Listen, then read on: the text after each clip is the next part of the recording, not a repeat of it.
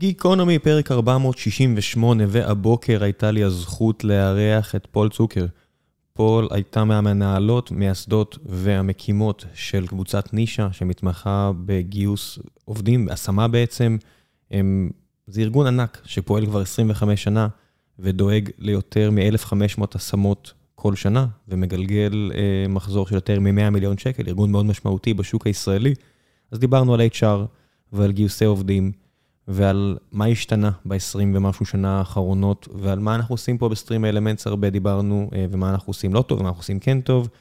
הפרק היה מאוד כן, אני מקווה אה, שזה יעניין אתכם. אה, חשפנו הרבה דברים, דיברנו על הרבה מאוד דברים, מקווה שיהיה לכם מעניין. ולפני שנגיע לפרק עצמו, אני רוצה לספר לכם על נותני החסות שלנו.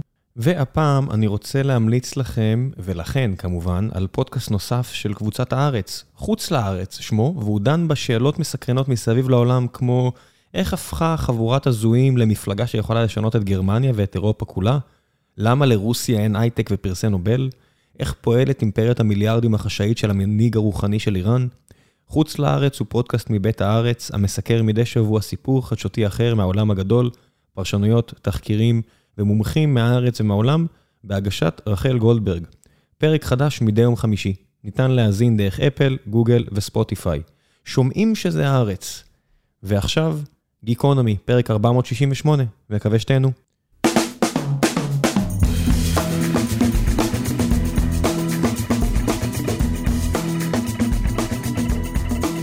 גיקונומי, פרק 468, והבוקר יש לי הזכות לארח את פול צוקר. פול, בוקר טוב. בוקר טוב.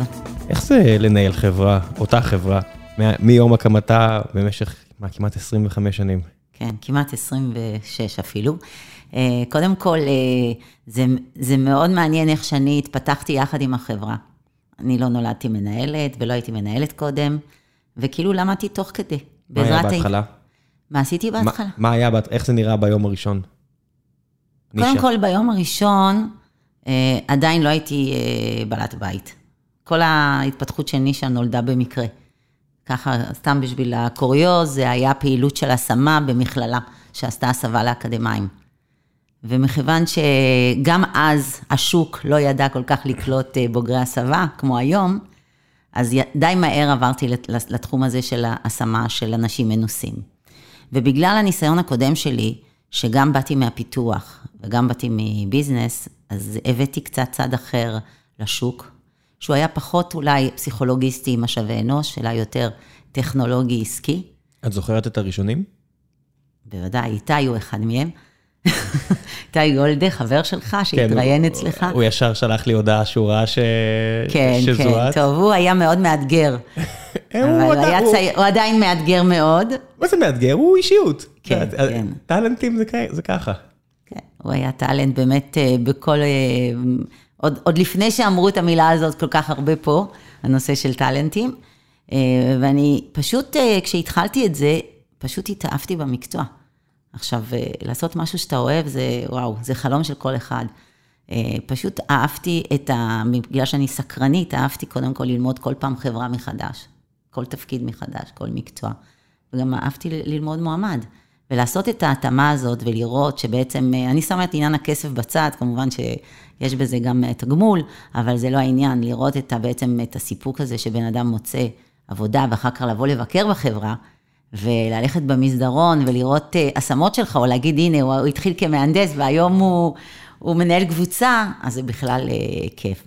עכשיו, הנושא הזה של, של השמה, הוא נושא שבזמנו הוא לא היה כל כך מפותח, ואני חושבת שעולם ההייטק אה, הקפיץ את זה מאוד מאוד משמעותית, בגלל מה שקרה פה, בגלל ההתפתחות של, אה, של ההייטק. את זוכרת את כל, לא יודע, את שנת 2000, 2008, 2012, את כל התקופות כן. האלה שפתאום אומרים לכם, נפל. עזבו אותנו, אין, אין צורך? כן, אז אה, דבר ראשון, כשיש משבר, חברה קודם כל סוגרת את, את הגיוס. קודם כל לא מגייסים, אתם תסתדרו עם מה שיש. כל המשימות מחלקים לכולם. אני לא מדברת, אני שמה את הפיטורים בצד, אבל בטח אם יש פיטורים, גם מחלקים את המשימות. ואם מפסיקים את הגיוסים, וגם אם יש גיוסים, אז מורידים בעצם את הגיוסים שעולים כסף, והשמה זה עולה כסף.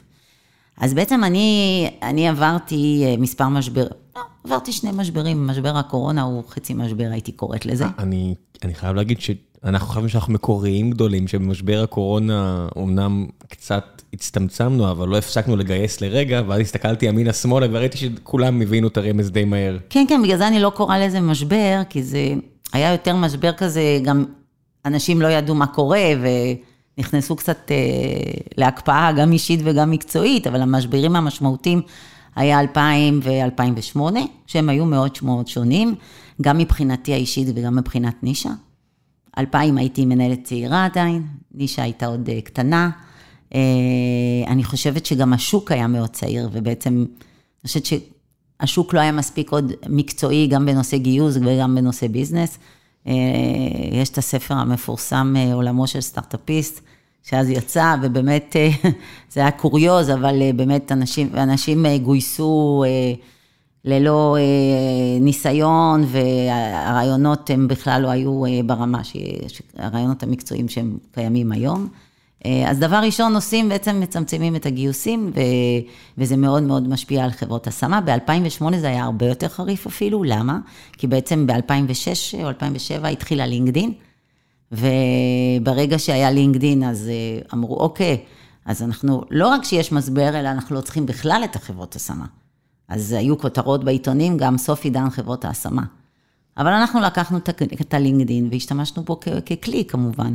זה, זה, זה מאוד, מאוד מאוד עוזר לנו, אה, איך אומרים, להצליח. את זוכרת את התחושה הזו שאת יודעת, כל מנהל, כל יזם, זה מה שאת בסופו של דבר, שעולה איזו תחרות רצינית, אתה יודע, בפייסבוק, שהתחיל גוגל פלאס, הם אמרו, אוקיי, קדימה, לסגור את הדלתות, אף אחד לא יוצא מפה, או ל-end zone deck, עד שאנחנו לא מנצחים את האיום הזה, ויש הרבה תיאורים על זה שהם באמת ראו בזה איום מאוד רציני, מה כן. שהתברר כדי... אה, פחות מאיום מהצד של גוגל, אבל אצלכם גם, לינקדאין, שאני זוכר את הימים האלה שכולם אמרו, טוב, זהו, נפנה ישירות לאנשים, אבל זה לא החזיק מים הרבה זמן. אני מאוד זוכרת, זה, זה, היה, זה לא היה רגע אחד, זה היה תקופה, אוקיי? כי זה גם שולב עם הנושא הזה של המשבר עצמו, זאת אומרת, 2009, אפילו חצי 2010, היו שנים מאוד קשות אה, עבורנו, במיוחד גם עברנו למשרדים חדשים, וזו הרגשה מאוד לא פשוטה להיכנס לאלף מטר. ולדעת שאין לך מספיק עבודה, אוקיי? ושחתמת חוזה לעשר שנים, וואו, זה כואב. אל תגידי לי את זה, אנחנו עוברים למשרד של 1,400 מטר, אבל יש הרבה עבודה. לנו אין גיוסי הון, כן. אנחנו חיים ממה שאנחנו כן. עושים, אוקיי, זה שונה קצת. אבל אה, זה כאב וזה פשוט, אה, ואתה רוצה גם לשמר את האנשים שחשובים לך. בכל חברה, אתה רוצה לשמר את האנשים שאתה יודע שאתה צריך אותם קדימה. עכשיו, בחברה שנותנת שירותים, בסוף, בסופו של דבר, אין לנו מוצר. אנחנו מוכרים שירות. ושירות זה אנשים ש, שעובדים בתוך החברה שנותנים. והנושא הזה של השמה, יש הרבה מאוד דילוגים. זאת אומרת, אנשים קופצים, לא נשארים, וזה עוד לפני שבכלל היו הדור ה-Y ודור הזה. כי הם רואים בזה תחנת אה, מעבר כזה, כדי לעשות תפקיד של HR. ואני חושבת שבנישה הצלחתי לשמר את האנשים, איך אומרים, לגרום להם לאהוב את המקצוע, גם להתפרנס יפה. וגם אה, לתת שירות אה, טוב. אז זאת אומרת, ממש נלחמתי לשמר את האנשים שיישארו איתי. איך יכול להיות ש... ואת מדברת באמת על זה שבניתם פה עסק, כן. יותר מ-1,500 השמות בשנה, זה, זה עסק עם מחזור של צפון מ-100 מיליון שקל בשנה. איך יכול להיות שאני מדבר, הרי אנחנו מגייסים בכל העולם. כן. אני מדבר עם קבוצות השמה בכל העולם, הכל התייקר בארץ. הכל. השמה נשארה אה, אותו דבר. זאת אומרת, ההשמה התייקרה כי המשכורות עלו, אבל. אתה היא... מדבר על העמלה. העמלה. איך לאורך 20 שנה, ש, שגייסתי, לא יודע מה, ב-2009, זה עדיין היה דבר. אותו משכורת אחת. תשמע, אני, אני מתה לדעת מי המציא את הדבר הזה, כאילו, זה עוד, עוד לפני זמני, שבעצם נותנים חודש אחד משכורת כשהקולגות שלנו, או החברות אחרות בחו"ל, בכלל לא מדברים איתך פחות מ... לפחות חודשיים. עכשיו, אני, אני לא יודעת... זה יותר. מינימום, מינימום, אני אומרת... במאמר מוסגר. כן, יש גם 33 עם הוצאות אדמיניסטרציה וכל זה, וכל הדברים האלה, כמו קונפרי וזה. דרך אגב, יש לנו פעילות אה, של גיוס בחו"ל, תכף נדבר עליה, שהיא פעילות נפרדת. רגע, אבל איך זה קרה בארץ, שהחוזה הזה, החוזה הזה כל כך סטנדרטי, נכון. שכל פעם, את יודעת שאני אני עובד עם הרבה חברות השמה, והם מתקשרים אליי, אומרים לי, בוא, נעבור איתך לחוזה, נשלח לך זה, די, די, תביאו, נחתום, אני מכיר, הכל סבבה. אין פה שום דבר חדש. מה, מה, כמה זה, 90 יום, 60 יום, עד שאם הבן אדם נשאר, לא נשאר. כן, יש כאלה שעושים כן. 90, יש כאלה 60, חצי, מה זה משנה, 75 בסדר, יאללה, יאללה. אחוז. קדימה, קדימה. משכורת אחת, אם אתם מצליחים, קיבלתם, אם לא, לא. זה- כל כך סטנדרטי, איך זה קרה? אז אה, קודם כל, אה, זה עניין של הגופים שנכנס, זאת אומרת, או אנשים שנכנסים לעולם הזה. אה, אין הרבה חברות גדולות כמו נישה. בסופו של דבר יש הרבה אד-אנטרים. אם אתה מסתכל היום, היום יש של- שלוש חברות אולי מובילות בנושא הזה של ההשמה. זאת אומרת, שבנו חברה, שבנו פירמה. אנחנו די מהר הבנו שאנחנו לא נהיה בוטיק. אנחנו רצינו לבנות פירמה, הלכנו על זה. מה ההבדל בין בוטיק לפירמה? או, גודל? זה לא רק גודל, זה גם אה, סיגמנטים, כי בן אדם שהוא בוטיק, הוא לא מסוגל לתת פתרון לחברה בכל התחומים. הוא לא מסוגל להתמחות בכל דבר. השמה זה עסק מאוד מאוד תפעולי, שאתה צריך כל הזמן, אה, איך אומרים, אה, להיות ברשת, או להיות בעניינים, ולפרסם, ולראיין, ואתה כל הזמן מפחד לפספס מישהו. אל תדע, אל, יש עוד משהו שהוא מאוד, כאילו, חורה בהשמה בישראל, זה שמודדים אותך לפי המהירות שאתה שולח. מה זאת הכוונה? אומרת? מי שמגיע ראשון. אוקיי, אני אתן לך דוגמה. יש מה שנקרא, אה, מנוע שנקרא ראנר. לא יודעת אם אתה יודע, זה מנוע לוחות דרושים רק לחברות השמה. אנשים שמים שם את הקורות חיים, וזה מופץ לכל החברות השמה.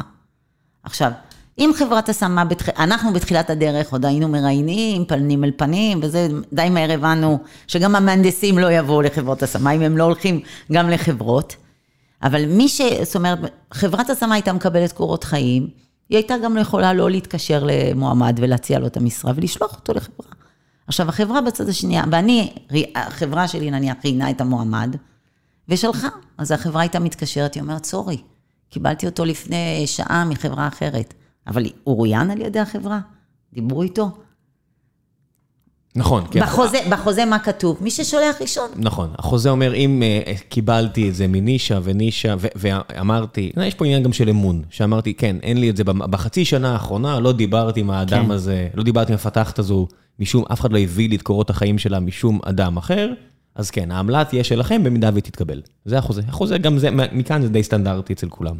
נכון, אבל אה, גם הלינקדין הכניס לנו עוד אה, בעיה, זה לא רק העניין שיש עוד מקור גיוס, לא נעים לי להגיד, אבל יש גופים בתעשייה הזאת שלא היו כל כך הגונים. כשאתה מקבל קורות חיים של מישהו שלמד איתך בטכניון, אתה אומר, יואו, איך לא חשבתי עליו? איזה באסה שאני צריך עכשיו, איזה באסה שאני צריך עכשיו לשלם השמה. מה אני עושה?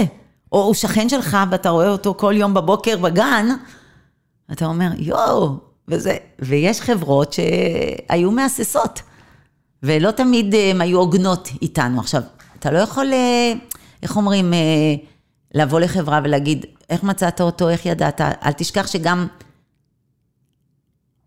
המחויבות של המועמד היא בסוף לחברה שהוא הולך להתקבל, עם כל הכבוד לחברת ההשמה. יש פה בעיה של תדמית של חברות השמה. כמה בישראל. נפוץ זה? שמה? לנו- לנו זה קרה פעם אחת. שמה? אני אומר, פה בסטרים אלמנטס, כן. יש כרגע 80 עובדים, אני חושב, all in all, בארבע שנים האחרונות היו פה 130 פלוס מינוס, אם אני... אומרת, 50 אה, פטרו, פוטרו, התפטרו אה, לאורך ארבע שנים האלו, ולאורך כל הגיוסים האלו, פעם אחת היה לי אה, מקרה כמו שאת מתארת, שהיה אה, מחלוקת ביני לבין חברת ההשמה על... בגלל שקיבלת אותו ממקור אחר, או בגלל שמה? שכן, ש, שאני לא קיבלתי את, ה, את היות המקור. המקור כמשוייך לאותה חברת השמה, אבל זה קרה פעם אחת. לא, יש הרבה מקרים כאלה, אבל לא תמיד חברת השמה, יש לה יכולת לעלות על זה. כי זה, זה, זה יכולת אה, לא פשוטה תפעולית. כן, הלופ לא נסגר. אתם כן, לא, אתה כאילו כל הזמן, אתה, גם בחברת השמה, כל הזמן סוגרים את היום ומבינים, וואה, כמה עבודה יש. כן, כי השוק פשוט מטורף.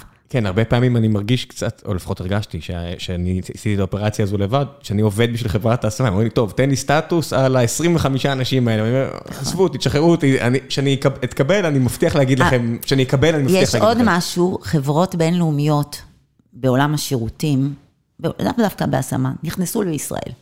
אני הולכת לטופ, לא, שנייה, לא בעולם ההשמה דווקא. סתם, אני הולכת לעולם השירותים. בפרסום נכנסו חברות, בראיית חשבון נכנסו חברות, בעריכת דין. כן. בעולם הזה לא נכנסו חברות בינלאומיות.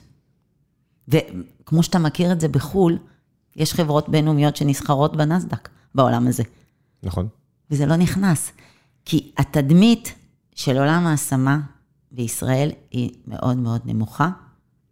בתור, בתור מישהי שניהלה חברת השמה 26 שנה, וכמובן, זה עצוב לי להגיד את זה, אבל אני עשיתי את זה תמיד בראש מורם, כי מאוד האמנתי בדרך שלי ובשירות שנתתי, אבל אה, התדמית בישראל היא מאוד מאוד נמוכה, וזה גם קצת מתחבר אליי, מתחבר לנושא הזה של משאבי אנוש, בסופו של דבר. כי הגטווי שלנו הוא מחלקת משאבי אנוש בתוך החברות. אה, ואני מסתכלת על כל הקריירה, מנכ"לים של חברות, אין מנכ"ל כמעט שלא עומד בפני המשקיעים שלו או בפני העובדים שלו ואומר, הדבר הכי חשוב אצלי זה ההון האנושי. והרבה פעמים שאלתי את עצמי, אם זה כל כך חשוב, למה פעם בשנה הוא לא פוגש את המנכ"לים והמנכ"ליות של חברות ההשמה, שהם אחד המקורות הגיוס. 25 אחוז, 30 אחוז, לפעמים 40 אחוז, וזה כמעט לא קרה לאורך 26 שנה. ואני בטוחה שהוא פגש גם את משרד הרואי חשבון, את המשרד עורכי דין, וכאילו... הייתי הולכת אפילו צעד עוד אחד קדימה, אם, אם זה באמת חשוב, למה המקצוע באופן כללי של HR, רק לאחרונה יש איזושהי אה, יותר תשומת לב עליו. את מדברת אפילו על נותני שירות חיצוניים. אני אומר, יש זילות עצומה ב-HR בארץ פנימה.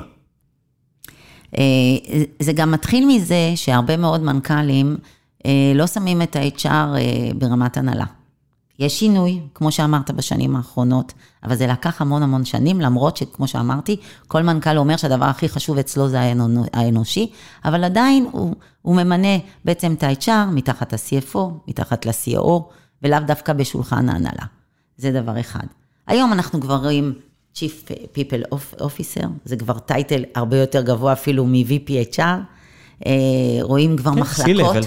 C-Level, כן. אבל אה, בוא נגיד שזה משהו חדש יחסית.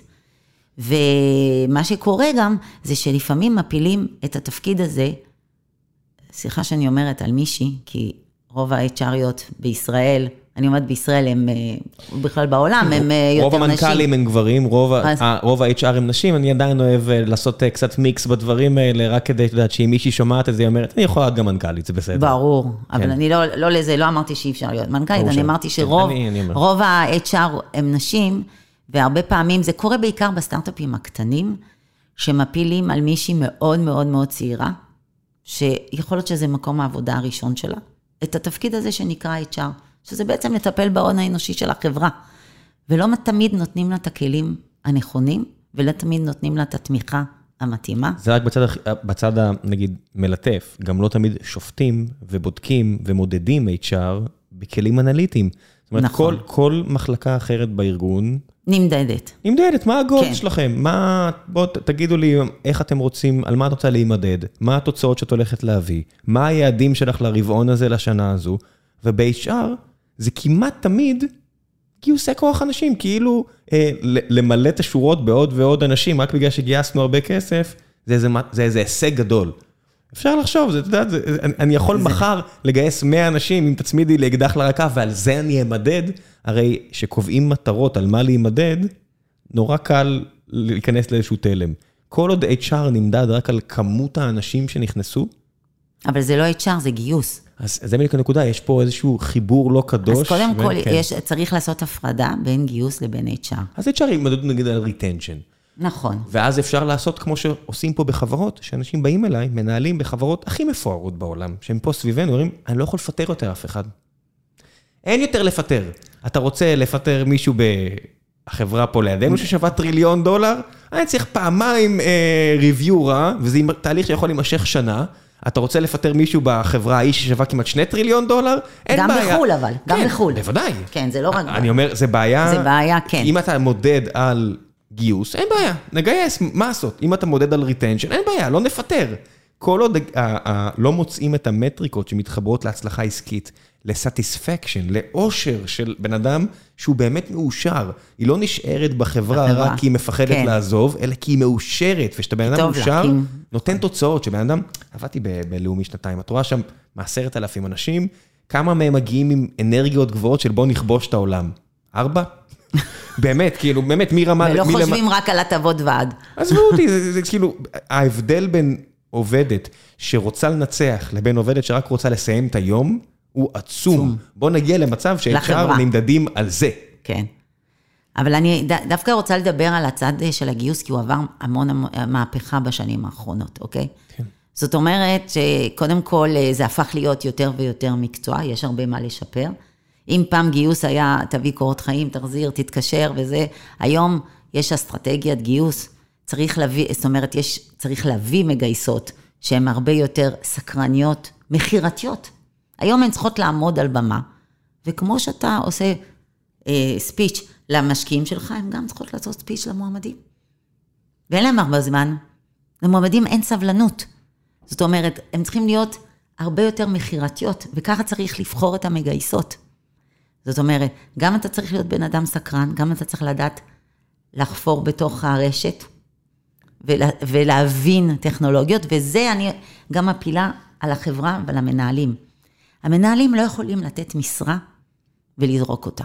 הם צריכים לשבת עם המגייסת ולהסביר לעומק את התפקיד, את, ה, את הספציפיקציות הטכנולוגיות, איזה סוגי מועמדים יכולים להגיע, לחפש ביחד מועמדים ברשת, זאת אומרת, לעשות איזשהו צעד מעבר, לתת אה, תיאור תפקיד. ולשמור על איזשהו אמות מוסר אה, שלא כתובות בשום מקום, שזה אחד מהדברים הכי מפתים. בגלל שיש לי רשת קשרים מספיק טובה, הרבה פעמים כן. יגיע מועמד, אני יכול לברר עליו המון. אה, לברר דרך אה, מה שנקרא לבר... ממליצים לא פורמליים, מה כן, שנקרא. כן, וזה קו אדום, זאת אומרת, אצלנו נכון. לפחות גיל, המנכ"ל... דרך אגב, זה קרה לנו עם הרבה חברות, שהם כן. אפילו לא היו... מה שנקרא, חושפים את המועמד, מבקשים את הטלפון שלו, אפילו לא אמרו שהם מתעניינים בו. היו מבררים עליו עוד לפני שבכלל אמרו לנו שהם מתעניינים בו. שזה זה, ממש קו אדום. אז זה קו אדום. ואז מועמדים כן. היו מתקשרים והיו אומרים, מה זה? ואז מאשימים אותנו כמובן, ובצדק, כי אנחנו העברנו את הקורות חיים. כן. כאילו, אין לנו אחריות על חברות, שזה בעיה. כן, יש כמה, יש בוא נגיד, יש הרבה קווים פה בצבעי ארגמן. דבר נוסף, צריך כן. לרתום, כן. צריך להפוך להיות ארגון מגייס, וזה צריך לבוא מהמנכ"ל. אם מלמעלה, אתה אמרת שאתה, סיפרת לי קודם שאתה עוסק בזה, ושכאילו זה חלק מהיום שלך. זה היה חלק עצום. אם מלמעלה, מהנהלה, זה לא בא. שאנחנו כולנו כמנהלים מגייסים, וזה חלק, וזה לא רק האחריות להפיל את זה על המחלקת הגיוס, אלא גם המנהל צריך להיות זמין, כמו שאמרתי, לשאלות של המגייסת, צריך להיות זמין לרעיונות, צריך להיות אה, אה, זמין לחשיבה מחדש. יש משרות שנתקעות הרבה, המון זמן. הייתי באה לפעמים לארגונים והייתי אומרת להם, תקשיבו, לא יכול להיות, הייתי אומרת תמיד לבנות שלי, תקשיבו, אם אתם רואים משרה שפתוחה יותר מדי זמן ואין התקדמות, אתם עושים stop. אתם מתקשרים ללקוח ואומרים, בוא נעשה עכשיו חשיבה מחדש. תעלי את המנהל על הקו, בוא נדבר ביחד. אולי היה איזה מועמד שאהבתם, ואני לא יודעת אליו, בואו נראה את הפרופיל שלו. צריך להיות יותר, הרבה יותר מתוחכם היום בגיוס.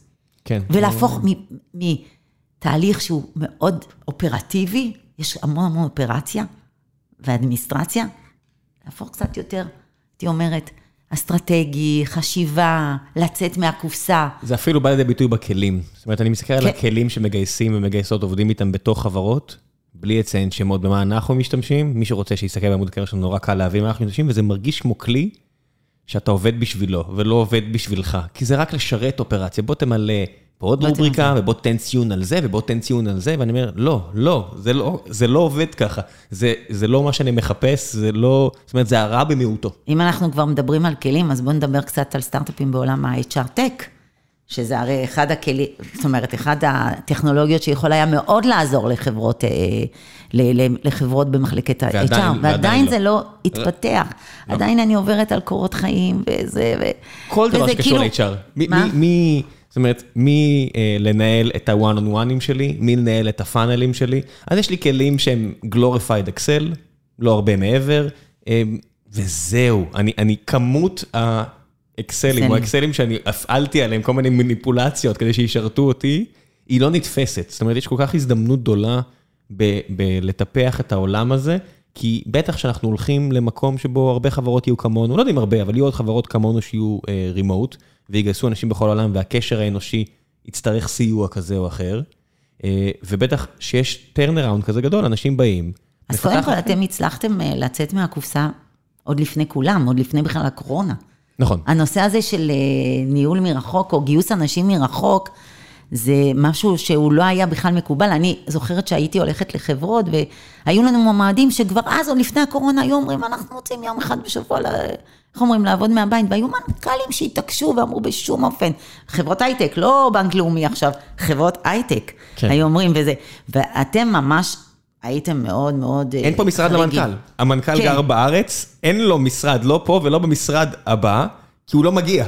אבל זה דורש מהחברה, כן. לתת כלים למנהלים שלו, או לראשי צוותים, לדעת לנהל מרחוק. יש כלים טכנולוגיים ויש כלים בין אישיים. זה בין אישיים. זאת אומרת, כן. אני אומרת עכשיו ל-HRים, ל-HRיות, בתוך חברה, לשבת עם המנכ"ל ולזהות את האנשים עם היכולת הזאת, הניהולית בכלל, אבל גם לדאוג לתת להם כלים. זאת אומרת, לא, לא להפיל את זה עליהם.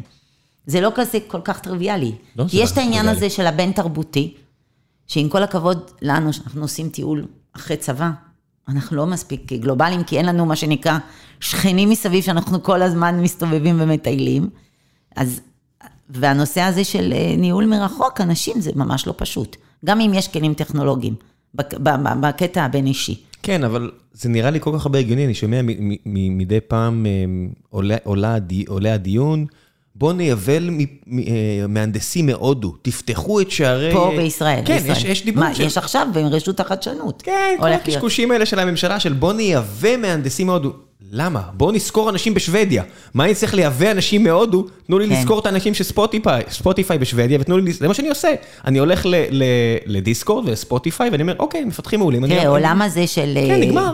מה אני צריך להביא אנשים מהודו שיגורו פה, ועבדתי עם אנשים כאלה, שעשו רילוקיישן לישראל. לישראל, שזה לא טריוויאלי. כן, ואת רואה אותם, הם כמו דג מחוץ למים, והם באים עם מעט אנרגיה, כמו כל בן אדם שמגיע לרילוקיישן של, הוא לא רילוקיישן, אז איך אתה מסביר שהנושא הזה של רימוט ואוף שור לא מספיק אה, הצליח בישראל? כן, אנשים מפחדים. בואו נתחיל בזה שאני מדבר עם VP R&D שבאים לשאול איך זה, וזה קורה איך פעם בשבוע, כן. אם התקשרתם אליי תדעו שאתם לא היחידים שמתייעצים איתי, וזה מפחיד. תחשוב, אתה עושה כמוני את הדבר הזה כבר 15, לא יודע, משהו כזה, 15 שנים. אתה יודע לעשות משהו אחד. עכשיו מזיזים לך את הגבינה. הרבה מהיכולת הניהולית שלי זה לשבת עם בן אדם בחדר, כן. ולראות שהוא בסטרס. בוודאי, להסתכל לו בעיניים, להרגיש שפת להסתכל לו בעיניים ולראות ש... כן, אחרי מספיק שנים, עם כל הכבוד, אני עושה את זה כבר יותר טוב מלכתוב קוד, לא שאי פעם הייתי כזה טוב כן. בזה, אבל לעבוד עם אנשים, זה מה שאני עושה. ושאתה בזום, הוא מחייך אליך, הכל טוב, ואז אני אקבל מהבק צ'אנל שהייתה שיחה נוראית.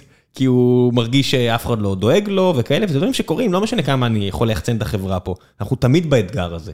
כי אתה מתעייף, כי זה מעייף. אה, לעבוד עם אנשים זה מעייף. איך אתה, עוזר למנהלים שלך בעצם לנהל מרחוק? איך אתה מלמד אותם?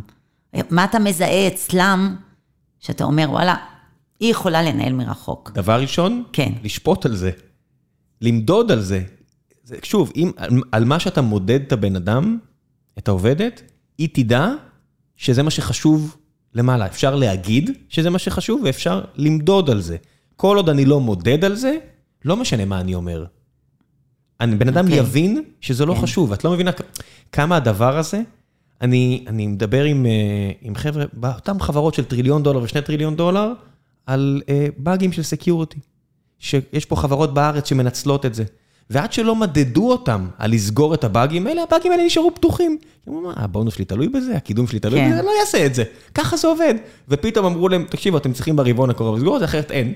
פלח. מדידה, מדידה, מדידה, מדידה. אין, אין מה לעשות. כן. זה, עבור מנהל, אתה יכול לקשקש כמה שאתה רוצה, אבל כל עוד אתה לא מודד בן אדם, והכי חשוב, מודיע לו שעל זה הוא נמדד בצורה הגונה ופיירית, אתה אומר, אוקיי, היי מנהלים, בחצי שנה הקרובה, אנחנו נעשה סקר.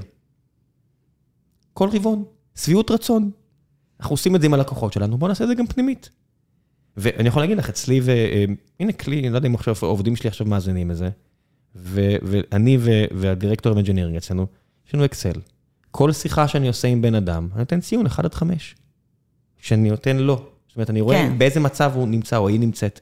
ואני רואה בן אדם שיש לו אה, ציונים נמוכים לאורך תקופה. לאורך כל תקופה. אני יודע שעכשיו צריך להרים דגל אדום ולדבר עם המנהל, זאת אומרת, לא skip meeting איתי, שזה אחד מעל, אלא איתו ישירות, ואולי צריך להוציא את הבן אדם הזה עכשיו לחופש. יהיה לו, קח עכשיו חודש בבית, תחזור עם אנרגיות גבוהות יותר, כי הכל זה בסוף אנרגיות. נכון. אולי לא, אולי צריך לשחרר את הבן אדם. זאת אומרת, יש בסוף, אחרי שלוש שנים, כן. ארבע שנים, חמש שנים שאתה עובד עם מישהו, כבר יש מיאוס, לא יעזור. נכון. צריך, היא צריכה אולי לעבור למקום אחר, כן. זה בסדר. אנחנו לא כורי פחם. כשאתה עובד בתעשיות, אמ, ואי אפשר לקחת את זה לכל מקום, כי יש תעשיות שבהן לפטר בן אדם, אתה שובר לו את, את החיים. יש הרבה תעשיות... אנחנו היום בתקופה אחרת, גם דור אחר. מי זה אנחנו? זה, זה, זה לא, אני... לא, אני מדברת... בהייטק אולי. כן, כל, כל הדיבור הגבוה הזה והיפה. אבל אני חושבת שזה כן. גם קשור לדור. זה קורה בעוד חברות, לא רק בהייטק, הנושא הזה של, אה, של כן. קפיצות וחיפוש מי אה, שיכול לעשות, כן. אה, מי שיכול לשנות את חייו, זה, זה skill set שאני רואה אנשים בני 50 עושים את זה, ויש אנשים בני 20, שאם אתה מזיז להם את הגבינה, זהו. הם עכשיו ייכנסו למשבר עמוק, ויש לך גם אחריות כבן אדם סוציאלי. אני לא מרגיש שאצלנו זה קיים, כי בתעשייה הזו, הרבה פעמים, כשאני מפטר מישהו, אני עושה לו טובה. נכון. כי הוא, אני אומר לו, וזה קרה פה בחברה, שלקחתי בן אדם בהליכה, ואני אומר לו, תקשיב, למה אתה עושה את זה? לא טוב לך פה. למה אתה סובל? כן, אתה את בן אדם סופר כן. מוכשר, אתה בטאקל פה עם האנשים, עזוב אותך. אני לא אומר לך, זה, כן. זה, זה, אני אומר לך, אני מפטר אותך לא בגלל, זה לא, לא כן. אתה, זה אני, כל השטויות האלה, לא. בבירור לא טוב לך, בבירור יש פה איזושהי הטיה קוגניטיבית, שאתה לא שם לב לכך שלא טוב לך, אני עושה לך פה... טובה, ואת יודעת, כל מיני מנהלים בכירים סיפרו לי שהם גם חווים את הדבר הזה. לפעמים אתה צריך לעזור לבן אדם להבין שהסיטואציה לא טובה לו.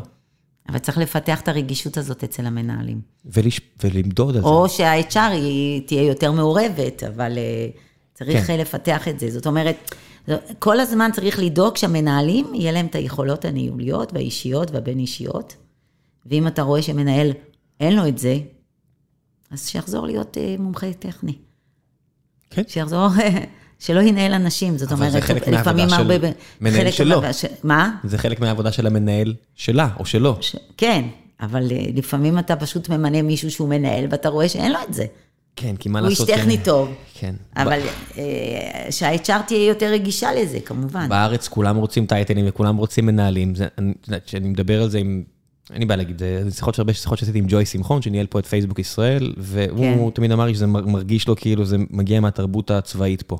שיש דרגות, ויש כן, היררכיה, כן, כן. והם לא מכבדים אה, תרבות ארגונית שטוחה, אז כולם חייבים כל הזמן להיות אגרסיביים, ואת רואה את זה הרבה. יש משהו בקטע החברתי גם. קודמתי, כן. נהייתי מנהל. זה שקודמתי ואני מומחה, דרך אגב, אינטל היו מהראשונים שהיה להם את הטייטל הזה. את הפרינציפל ואת כל הבטח. לידר וכל זה, והמשכורות היו מאוד יפות, ללא קשר לזה שאתה לא מנהל אנשים. כן, לעניות... זאת אומרת, זה, מקובל, בחברות קורפורט זה מאוד מאוד מקובל. כן, לעניות דעתי, באפל ישראל, החבר'ה שמרוויחים הכי הרבה, זה, individual contributors. לעניות דעתי, יש חבר'ה כן. מדהימים, שמביאים הרבה יותר ערך לחברה מאשר המנהלים שלהם, שהרבה פעמים זה בירוקרטים, הכל טוב. אם זה מה שאתה אוהב, הכל בסדר. אבל הרצון הזה, אנשים מודיעים לי ברעיונות, יכולים להגיד לי, רק שתדע, אבל שאני מצפה להיות מנהל בשנה הקרובה. אני עושה, אוקיי, אז לא פה. אני לא יודע, לא נראה לי, כן. התראיינת לתפקיד אחד, אתה רוצה שנתחיל את כן. התהליך מההתחלה, זה רעיון אחר, מצטער. זה לא, כן. זה לא אותו דבר. אין פה את השיטת גולני הזו, שתחזיק שנתיים ותקבל אה, קידום למנהל. זה לא קידום בעיניי, זה משהו אחר. ושוב, גם פה, הדבר הזה שאמרתי, חייב לבוא לידי ביטוי בטבלאות שכר בתוך החברה. אם באמת מנהלים מקבלים הרבה יותר, או יותר אפילו, מהעובדים, אז בסדר, אז זה באמת קידום. ואם זה לא, זה שני אה, סולמות מקבילים, אז הנה, הסרת את העניין הזה. נכון. יש uh, הרבה מאוד דברים שנורא קל להגיד, אבל בסוף צריך גם לבנות את החברה, ככה יודעת, ישבתי פה עם uh, אלון חורי מנקסט אינשורנס, כן. דיברתי עם הרבה יזמים. הוא היחידי שאמר לי, הקמנו חברה, והדבר הראשון שעשינו זה לשכור HRית חזקה. נכון. כי זה, זאת אומרת, זה לא קורה הרבה. אה, חזקה. חזקה. יש הבדל בין לזכור HR לבין לזכור לא, HR. לא, לא למלא וי, זאת אומרת, כן. התפקיד, בין התפ... חמישה תפקידים הראשונים שמגייסים, זה צריך להיות VPHR, לא HRית, אלא ברמת הנהלה. כן. שהיא תלווה את היזמים לאורך כל הדרך. דרך אגב, אפרופו יזמים, יש פה עניין של אה, משהו ככה לחשיבה, זה נושא של החבר הנהלה הראשון שאתה מגייס אחרי הפאונדרים. הפאונדרים. זה אתגר, אה, זה, זה דבר מאוד לא פשוט, ובכלל הנושא הזה של יחסים בין הפאונדרים. זאת אומרת, יש פה זוגיות או שלישיות או רביעיות, זה תלוי כמה יזמים יש, וזה מערכת יחסים כמו כל דבר, והרבה יותר מורכבת. זה שאתה חבר של מישהו מהצבא, זה לא אומר שאתה מקימים, ה, שאתה מקימים ביחד את הסטארט-אפ, שהכל יהיה ורוד. אני לא, אני לא מכיר הרבה סיפורים שזה הכל ורוד. ולך תכניס אה, חבר הנהלה אה, חדש, והוא פשוט הופך להיות הרבה יותר אה, משמעותי בתוך, ה, בתוך החברה. זאת אומרת, יש פה, באמת, זה, זה סופר סופר מעניין, הקטע הזה של היחסים בין הפאונדרים, הכנסת חבר הנהלה חדש, זה, זה דברים שצריך לתת את הדעת, ואני חושבת שאם יש, יש VPHR חזקה מתחילת הדרך, היא יכולה להיות פה מאוד מאוד משמעותית. אבל אה, זה לא קורה בהרבה חברות שמגייסים. מתי מגייסים VPHR חזקה? אחרי שפתאום מגייסים, נניח, מעל 50 מיליון אה, דולר, או שצריכים לעשות את היציאה החוצה לעולם בצורה משמעותית, או שיש יעד של גיוס של פתאום 100 אנשים. עוד פעם, זה מתחבר לגיוס. לא נעים לי להגיד שכל עוד, אצלך בנישה היה 95 אחוז עובדות. נכון. משהו כזה. כל עוד זה תחום שנשלט רק על ידי נשים, זה בדרך כלל אינדיקציה לכך שמה לעשות, רוב, רוב הכוח והכסף והשליטה המסורתית אצל גברים, אז אם את רואה תחום שנשלט על ידי נשים, לצערי זה אומר שמזלזלים בו. הרבה פעמים, אז יש מקומות שזה, את רואה נגיד 50-50, אה, רפואה וכאלה, נגיד אה, רופאות, רופאים, אני חושב שזה 50-50. משפטים רואה, גם. אוקיי, אז את רואה הנה איזון נכון. טוב של תחום שפים. שמדבר אה, גם לנשים, נכון. וה, והחברה מכבדת אותו, אז יהיה 50-50. ואת רואה את שאר... בעולם ש... העסקי זה התחום היחיד שהוא הרוב נשים. ו- בעולם ו- העסקי, אני אומרת. וזה אינדיקציה. לא מדברת שכן. עכשיו על מורות ועובדות סוציאליות וכל העניין כן. הזה. אז אין לי בעיה להגיד, זה, זה תחום זה כמו מורות, נכון. שלא מכבדים אותו מספיק. בדיוק. ולכן, מסורתית, יש בו יותר נשים, ואני אומר לך, שבשנה האחרונה דיברתי מלא יזמים, כן. שאמרו לי, אתה יודע מה אני אעשה בתפקיד הבא? אני אהיה ה-VPHR. רשמית, לא בכאילו, לא כלום, כי זה כבר, יש שינוי של כבוד. כי יש שינוי של כבוד שאנשים יותר ויותר מכבדים. את התפקיד, את, את המקצוע. התפקיד. כן, ו- וזה מעצבן אותי שזה ככה, שזו האינדיקציה שאני מסתכל על זה, שזה, של כמות הגברים במקצוע. אבל, אבל זה ככה. כן. תחום שיש בו אפס. אתה יודע כמה אני, בוא, אני, בוא נגיד, זו תחנה ראשונה למקצוע היצר. אחת התחנות הראשונות, בוא נגיד ככה. חברות השמה זה אחת התחנות הראשונות. כמה היה לי קשה לגייס גברים? זה מטורף. גברים שלמדו גם דברים אחרים, ממש לא עניין אותי אם הם למדו פסיכולוגיה, מדעי התנהגות או משהו כזה. כי בסוף הנושא של, של השמה, לאו דווקא אתה צריך להיות איזה פסיכולוג דגול. אוקיי? אתה צריך אינטואיציות טובות, אתה צריך להיות סקרן, אתה צריך להיות אה, אוהב אדם, אני אומרת. זה, זה מה שחשוב. אז כאילו, לאורך השנים אני טיפלתי בהשמות, ככה, כשכבר גדלנו, אני מאוד אהבתי לשמור את התחום הזה של ה-HR. נשארתי וטיפלתי בהשמות של ה-VPHR. כי למה זה גם היה הזדמנות להיפגש עם הלקוחות שלי, זה גם היה בעצם, זה עזר לעסק, וגם אתה, כשאתה מראיין VPHR, אתה לומד המון המון המון על הארגונים, המון מה שקורה שם. וכמעט לא היו לי מועמדים גברים. אם הם היו, הם לא היו בעולם ההייטק. הם היו בעולם המסורתי יותר. בנקים, חברות אנרגיה, חברות אה, גדולות או דברים כאלה, או, או חברות ממשלתיות כן. לדוגמה. אבל בהייטק אין כמעט גברים שמגיעים לעולם ה-HR. כן. מגיעים יותר עכשיו לעולם הגיוס. כי בנושא הזה של הגיוס, עוד כי פעם, שוב, כי, כי זה אחר. כן, כי פה, הנה, כי יש כסף יותר, כי יש כן. עמלות ויש השמות ונמדדים על לא, כמות ה retention וה acquisition וה hiring, אז הנה, מגיעים גברים, כי יש בונוסים נכון. והכל, אבל HR, שזה תחום פלואידי, ותחום שאף אחד לא רוצה... שהוא נחשב כאילו רך כזה, זה כאילו... אוי, לא, רך. אוי, מה פתאום, רך, אני אהיה במקצוע רך, אוי ואבוי, שלא יחשבו שאני... כן, זה כאילו... סיימתי פעם גיבוש שייטת, אני רך, כן, מה פתאום?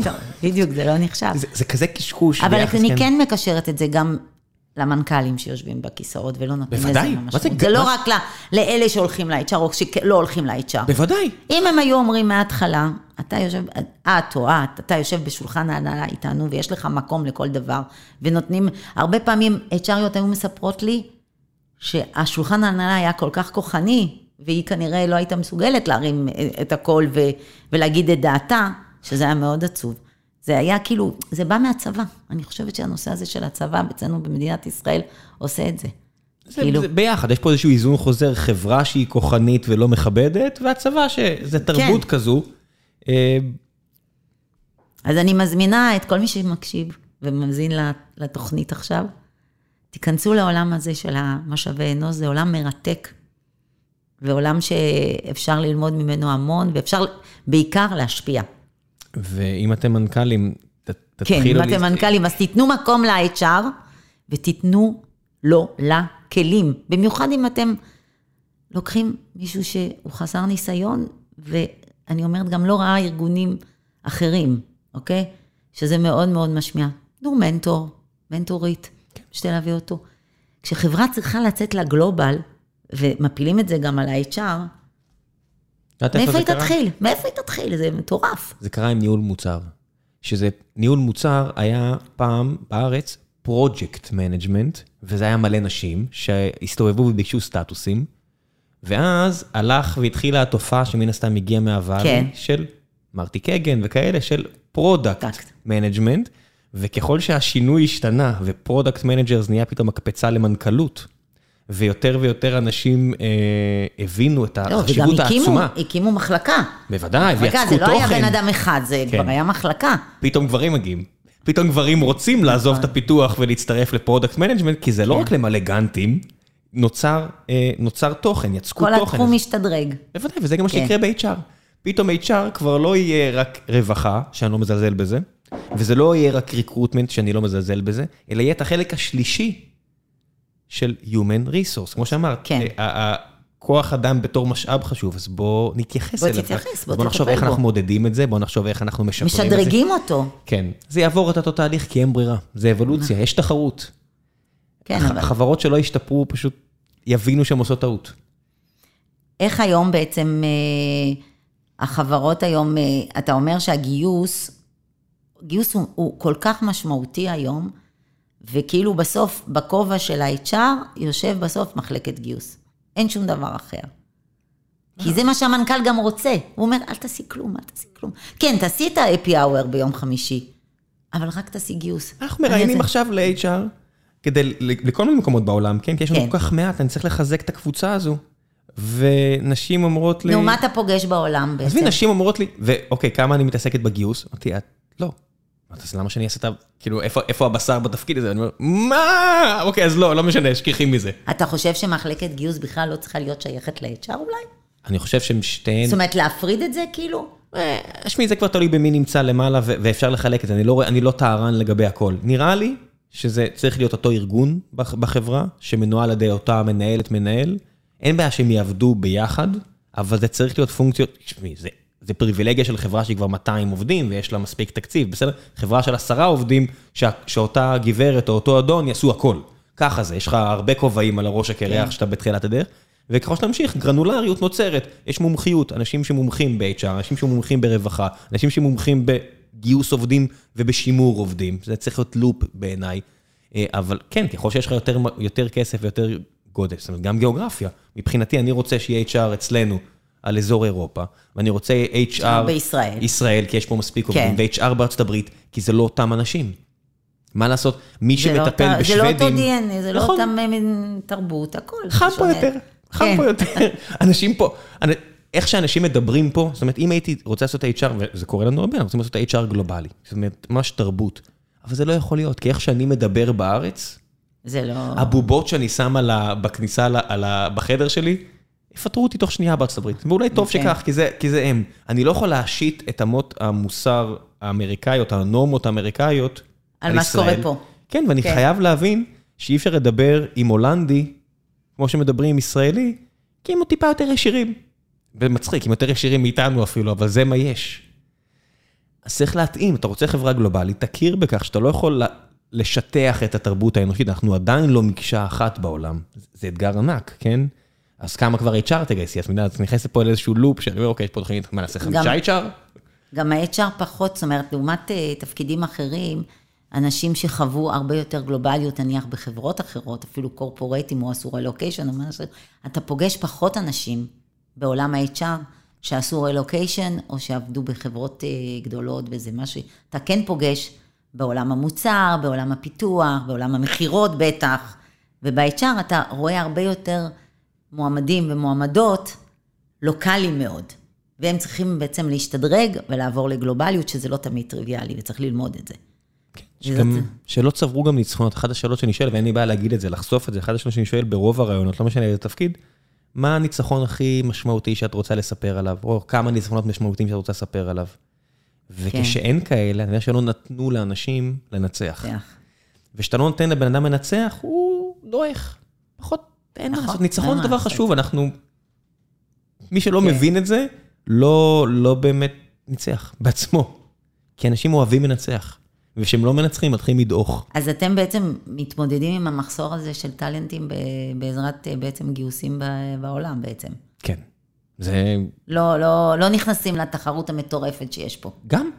גם, אבל לא, גם, לא אין, רק. אין, זה לא פוטר אותי מנסות להביא מפתחים טובים גם כאן. זאת אומרת, בשוודיה, אם אני עכשיו מושך בן אדם מספוטיפיי, אז אין לי בעיה להגיד ש... אני אספר, אני, אני, אני, I'll go on the record. קיבלתי אה, מועמד. הרשים אותנו. אדם שמתאים לנו פילוסופית כן. ומתאים טכנית. מה הוא אמר? אני אבל מתחיל באפריל. אני מסתכל רגע, מה אנחנו עכשיו ב... ספטמבר, עוד זה האוגוסט, מה אפריל, אחי? זה, זה, זה, זה איזה שנה? כמה דברים יכולים לקרות. אפריל איזה שנה. ואני התייעתי ואשתי אמרתי למגייסת שעובדת איתי, אמרתי לה, תגידי לו לא. תגידי לו שעוד חודשיים לפני, אם הוא עדיין רוצה, כי הוא עבר את המבחנים, שיפנה אלינו. כן. ואז ישבתי עם... אה, עם HRית שניהלה פה את אחד הארגונים שדיברנו עליהם, של הטריליון, שני טריליון, whatever, והיא אמרה לי, למה לא? אם הוא כן, talent. אם, אם אתה חושב שכן, מה כבר יקרה? הכי גרוע, אז בפברואר ספוטיפיי יחליטו להשאיר אותו? שישאירו אותו, מה אכפת לך? זאת אומרת, כן. אם אתם... תתפוס סופ... אותו כבר אם עכשיו. אתם סופרים כל דולר, כן. אם אתה מחתים אותו כבר, גדל הסיכוי שהוא לא יחפש ימינה שמאלה, כי הוא נכון. כבר חתם בחברה, הוא מתחיל לקרוא עליה, הוא מתחיל להתרגש ממנה, שמור איתו על קשר. תשמור איתו על קשר. בדיוק, אמרתי, וואו, אוקיי, נכון. שכנעת אותי, כן, אין לי... אבל זה יציאה מחוץ לקופסה, וזה כן. דברים שבשנים האחרונות יותר ויותר התפתחו. כמו הנושא הזה של אה, גיוס אנשים בעולם. זה התחיל מהאוף שור, ועכשיו זה ברימוט, ודברים כזה, כאלה וזה. זאת אומרת, להיות פתוחים גם לשיטות גיוס אחרות, לחתימה של אנשים, להיות פתוחים לזה שהם יעבדו חלק מהבית, חלק אה, מהמשרד. זאת אומרת, כנראה שאין ברירה, אם אתה רוצה לגייס טאלנטים, אתה צריך לצאת מהקופסה. זה הנשק שלנו. ואתה לא יכול, אה, זה אתם. לא, זה, זה הנשק שלנו. כן. אומר, עכשיו הגיע מישהו מ King, עם כל, החב... עם כל הכבוד חברה שעובדת ב scale יותר גבוה, וזה DevOps פנטסטי קטלני בברצלונה. והם הכריחו אותו להגיע למשרד. ויש קורונה. והבן אדם, איש משפחה, חרד. אז מכריחים אותו להגיע למשרד.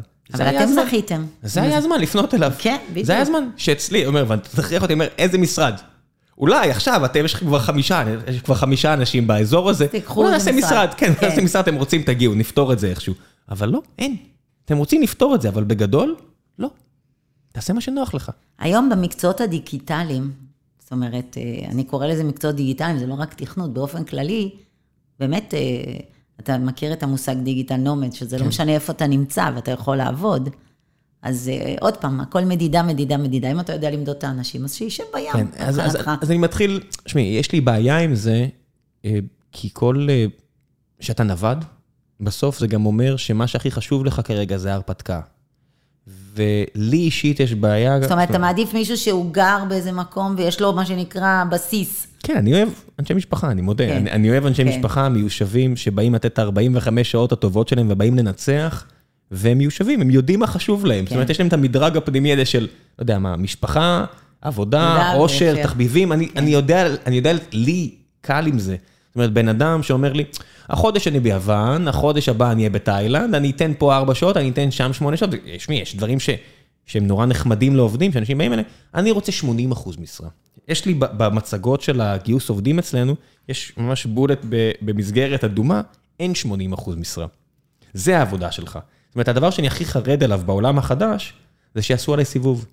ולא בקטע של פראייר, כי אני לא מסוגל עם המחשבה הזאת של אבטלה סמויה, אני לא כן. מסוגל לחיות עם המחשבה שמישהו מקבל ממני משכורת, ומה זה ממני? ומעוד מהחברה? מישהו. כן, שהוא עושה פה איזשהו סיבוב. לא, יש לי ממש אה, סיבולת כן. מאוד מאוד נמוכה על הדברים האלה. אתה עובד מרחוק, אתה צריך להביא תוצאות. אין... נכון. אה, ואם לא, אז כנראה שזה לא מתאים לך. אין, תוצאות, אני לא- תוצאות, רק תדע- רק תדע למדוד את זה. חייב. אם לא, זה לא מצליח. כן, ובשביל זה צריך, פה, פה נכנס המנכ"ל, פה שגיל, כן. את יודעת, יכול, ואני, את יודעת, זה לא כיף תמיד שאתה מכין תוכנית לרבעון הבא, הוא אומר, אוקיי, איך אתה מודד את ההצלחה של הדבר הזה, ואני, זה קשה. אנחנו נעשה בלוג טכני, ואנחנו נעשה ככה, נעשה ככה, איך אתה מודד את ההצלחה של זה? ואתה אומר, אוקיי, נפלתי פה, דרך- דרכתי על כך, כי אתה צודק. מה עם אה, מועמדים שהם אה, בתחילת דרכם? איך אתם עם זה? אז פה, למזלי, הבאנו את אה, ליאל, את הדירקטור of engineering ששמה על זה יותר דגש. אני מודה שאני הייתי מאוד נגד. זאת אומרת, אני לא אלטרואיסט. אני רוצה... לא, כן. כי אם אתה מסתכל על הבעיה שיש היום במדינת נכון. ישראל, בנושא של, אה, יש עכשיו איזו שאיפה להגדיל את אה, אחוז המועסקים בהייטק אה, מ-10% ל-15% לדעתי. שיתחילו ועל זה- ב-11. כן, ועל זה שכאילו חסרים אלפי עובדים, ובמיוחד בחברות הקטנות, שמאוד קשה להם לגייס, כשהם מול החברות קורפורט הענקיות שנותנים בונ- בונוסי חתימה, שזה מאוד לא פשוט להתמודד עם זה. מאוד. ואני מדברת על סטארט-אפים קטנים, שהם לא גייסו את ה-50, אלא שגייסו את המיליונים הבודדים, שהם לא תמיד... 2017 אנחנו. כן. אז את שואלת מה- את שואלת מה עשינו? כן. הבאנו ארבעה ילדים עם אפס ניסיון. אוקיי. שגרו בדנמרק וצפון אה, עוד פעם, מקדוניה. כבר הלכתם, אה, כן, שגרו בדנמרק אבל זה וצפון מאוד מקדוניה. חריג, זה מאוד חריג. זה הנס הקטן שלנו. בסדר. באותו מידה זה יכלנו לדרוך על אבל כך. היום כן. בוגרי מדעי המחשב שיוצאים מהאקדמיה, לוקח להם זמן למצוא עבודה. בטח. שזה זה מטורף, אתה, אתה דוחף את כולם ללכת ללמוד מדעי המחשב. אם היום מישהו שואל אותי, מה ללמוד? ברור שאני אגיד מדעי המחשב, אבל בתנאי שאתה אוהב את זה ובתנאי שאתה טוב בזה. כי אם אתה הולך לסבול עכשיו בלימודים, ואחר כך תסבול ב, בעבודה, אבל יש הרבה שיוצאים, במיוחד מהמכללות, והם לא מוצאים עבודה. אני לא מדברת על בוגרי טכניון שחוטפים אותם תוך שנייה, גם אם הם מוצאים, נניח, אה, אבל... אה, אז יש פה איזה משהו שצריך לתוך, לעשות תוכנית הרבה יותר רחבה ולאומית, כדי לתת אפשרות לבוגרים האלה, שקודם כל יתחילו לעבוד תוך כדי הלימודים, ושאפילו שהמדינה תשתתף כן, אני לא- אני לא- בשכר שלהם, אני לא יודעת כמה המדינה צריכה להתערב בזה בשוק שהוא משוכלל ובריא. בסוף אני רואה... שיש פה כאילו... כן, יש מספיק בשר, אני רואה כל כך הרבה אנשים, הרי אצלנו אני לא צריך שום אבל תואר. גם חברות בינוניות, אני לא מדברת על סטארט-אפ, אני לא מדברת עכשיו על corporate אינטל ומייקרוסופט, שיש להם תוכניות כאלה לסטודנטים. גם חברות בינוניות, מה שנקרא מאלף אה, ויותר, הן לא, הם לא מצליחות לקלוט את הבוגרים, לעשות תוכניות לבוגרים. אני מודה שהתשובה שלי לזה, אז שתהיה, אז שיסגרו. זה כמו שפה עוזרים לצ'ק פוינט, עדיין עוזרים פה לצ'ק פוינט, כי צ'ק פוינט עדיין, גיל שווייד עדיין יכול לעמוד על איזה במה ולהגיד, אם לא יעזרו לי, אנחנו נקום ונלך, אז תלך. באמת, אז התשובה שלי, אז תלכו, תיסגרו, כן. אין מה לעשות, יש פה כזו תחרות על עובדים, כל מי שמבקש פה איזושהי סובסידיה מהמדינה, אני אומר, אני אגיד לך איפה אני כן מחריג, אבל אני מסתכלת על מגזרים הצד. אחרים, ערבים, חרדים, חרדים. זה באמת משימה לאומית מבחינתי, כן. כי זה לא מתחיל. אבל אנשים חילונים, לא משנה מאיפה, כשהידע כל כך זמין והוא מסביבם, אולי פריפריה גם, שזה, את יודעת, אני הרבה נכון. שנים כבר לא בבאר שבע, אז אני לא קל להגיד, הנה, אני, לי הלך בסדר, אז, אז כולם יכולים, זה לא עובד ככה במציאות. יש אזורים שבאמת צריכים תמיכה ממשלתית, אבל אני הולך על האזורים, לא על החברות. לא, בואי נדבר על, על האזורים של המרכז, שהם בוגרי מדעי המחשב. אני מדברת על, ה, על המועמדים עכשיו, לא מדברת כן. על החברות. שהם מתוסכלים, מסתובבים מתוסכלים ולא מוצאים עבודה. כי חברות לא יכולות כל כך לקלוט אה, בוגרים, כי אין להם זמן. כי המוצר כן. צריך, אה, אז איך לכו אומרים, לסט- לצאת... אז לכו לסטארט-אפ בתחילת דרכו ותהמרו, מה לעשות? אין מה לעשות. השיפוי הוא כל כך מהיר, השכר יעלה כל כך מהר לאחר מכן. בסדר, זה לא כמו רופא, שאתה אומר לו רופאה, אתה אומר לו, אוקיי, בתחילת הדרך, יהיה לך קשה מאוד, את תעבדי הרבה והשכר יהיה נמוך, אבל זה מתאזן אחרי זה, אחרי זה תהיי בראש טבלת השכר להרבה שנים. אבל היא אומרת, מה זה בתחילת הדרך? אז זה עד גיל 45. עד פה אני, אני אומר כן. לאנשים, אומרים לי, שמע, אני כבר בן 23, מתי זה ישתפר? קח ארבע שנים. מצטער. תעשי עוד כן. קורס, תמצא, תהמרי, תעשי, תצליחי. אין, אני, בשלב מסוים המדינה צריכה לעזור לאלה שבאמת צריכים עזרה.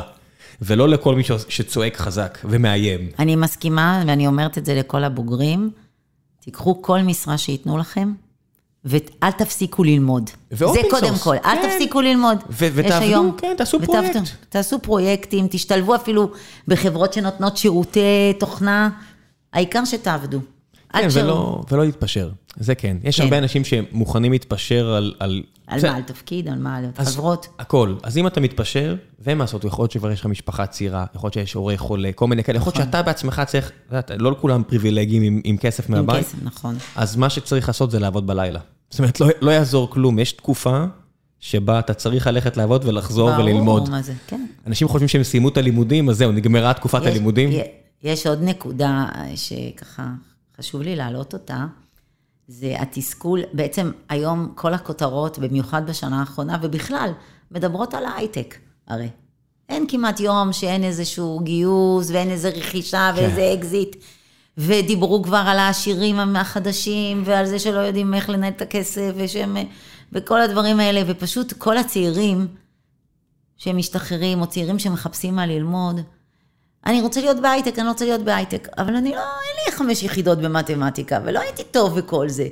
ובאים ומתייעצים איתי, איך אני נכנס להייטק? זאת אומרת, יש פה איזשהו גם תסכול של אנשים, או שאנשים שלמדו דברים אחרים, ועובדים בעבודות חיכה, לא הייטק. 90 אחוז ו- מהשוק האחר. בדיוק, כן. אבל הם חיים בתסכול כזה, זאת אומרת, אתה רואה אותם, אני אוכלים את אמפתי- עצמם. אמפתי וכאילו- לגמרי לזה. כאילו, אז קודם כל היום, יש בחברות אני לא יודעת איך זה אצלכם, אבל בהרבה מאוד חברות הייטק, 30-40 אחוז זה כבר לא טכנולוגי. אצלנו זה 70 אחוז. אה, באמת? 60-70 אחוז. אוקיי, אז כן. זאת אומרת, יש הרבה חברות, זאת אומרת, יש הרבה מקצועות, אני לא רוצה, לק- מקצועות תומכי לחימה, מה שנקרא, הם לא כולם, אה, זאת אומרת, אם הלחימה זה הפיתוח, אז המקצועות אני מסביב. מזכיר לך שהתומכי לחימה בצה"ל זה ממר"ם. אה, אתה קורא לזה, כן? מי ש- אוקיי. צה"ל קורא להם תומכי לחימה, הם לא לוחמים, נכון? בסדר, אבל בחברות הייטק זה מתהפך, זה מתהפך, אין מה לעשות. בסדר, אז אני אומר, אני- מוריד את זה מצה"ל ואני מוריד את זה מכאן. בסוף, אם הוא לא חשוב, אל תגייס אותו. קודם כל, לא, לא להרים ידיים ולנסות, ואני, אגיד עוד משהו, לחזק את האנגלית. אנגלית... הופה, פה את פוגעת במסמר. כן. לאנגלית, אני אומרת לכל בן אדם, אם אתה צריך גם ללכת עכשיו, ללמוד ארבעה חודשים, לא יודעת מה, לחיות בחוץ לארץ וללמוד אנגלית, או לעשות את זה עוד לפני הלימודים, זה אחד הדברים הכי חשובים. כי היום, בהייטק, גם בתפקידי תומכי לחימה, מה שנקרא, הנושא הזה של האנגלית הוא must. תחשבי אצלנו, וזה- אין, מה- הם יעשו? אם אנחנו מגייסים אנשים מכל העולם, מכל העולם, מה- מה לא יש לי לעשות. איתך אם אתה לא יודע אנגלית טוב? אם את לא מדברת וכותבת כהלכה, אני יודע שאצלנו אור, אחד הפאונדרים, היה לנו עובדת שהוא מאוד מאוד אוהב, והאנגלית שלו לא הייתה מספיק טובה. אז הוא אמר, קחי, אנחנו נממן לך קורס. נכון. אנחנו רוצים ש... אנחנו לא רוצים שתלכי נכון, לשום מקום, בדיוק. אבל צריכה להשתפר באנגלית. ו- והיא תותחית, היא פשוט, את רואה את השיפור, את רואה את כן. העשייה, זה, זה, אני מת על זה, כאילו. נכון, תני לי רק עוד. כן. עוד עובדים שאת רואה את הפוטנציאל, והם רוצים להשתפר, אז בוא נממן, מה כן, לך? מה זה נכון. קורס? קורס עולה גרושים היום לעומת עובד טוב שמצאת אותו, בדיוק, ואתה, כן, ואתה לא רוצה שהיא תלך. לשום מקום. כן, ברור. אז יש תקווה. לכל מי שלא רוצה ללמוד מדעי המחשב, יש עוד מקצועות בהייטק. כן. בוא נעשה קצת שאלות מן הקהל, ולפני שנגיע כן. לשלב השאלות מן הקהל, דבר המפרסם. היי חבר'ה, לפני שנחזור בעצם לפרק הזה עם פול צוקר, אני רוצה לספר לכם על נותני החסות הנוספים שלנו, והפעם זו חברת Deel.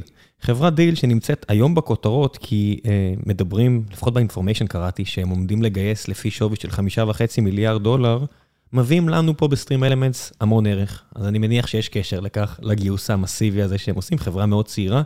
Deel עוזרים לנו לפתור בעיה שהיא מאוד רלוונטית לכל מה שדיברנו עליו ומדברים עליו בפרק הזה, וזה אה, גיוס עובדים מעבר לים.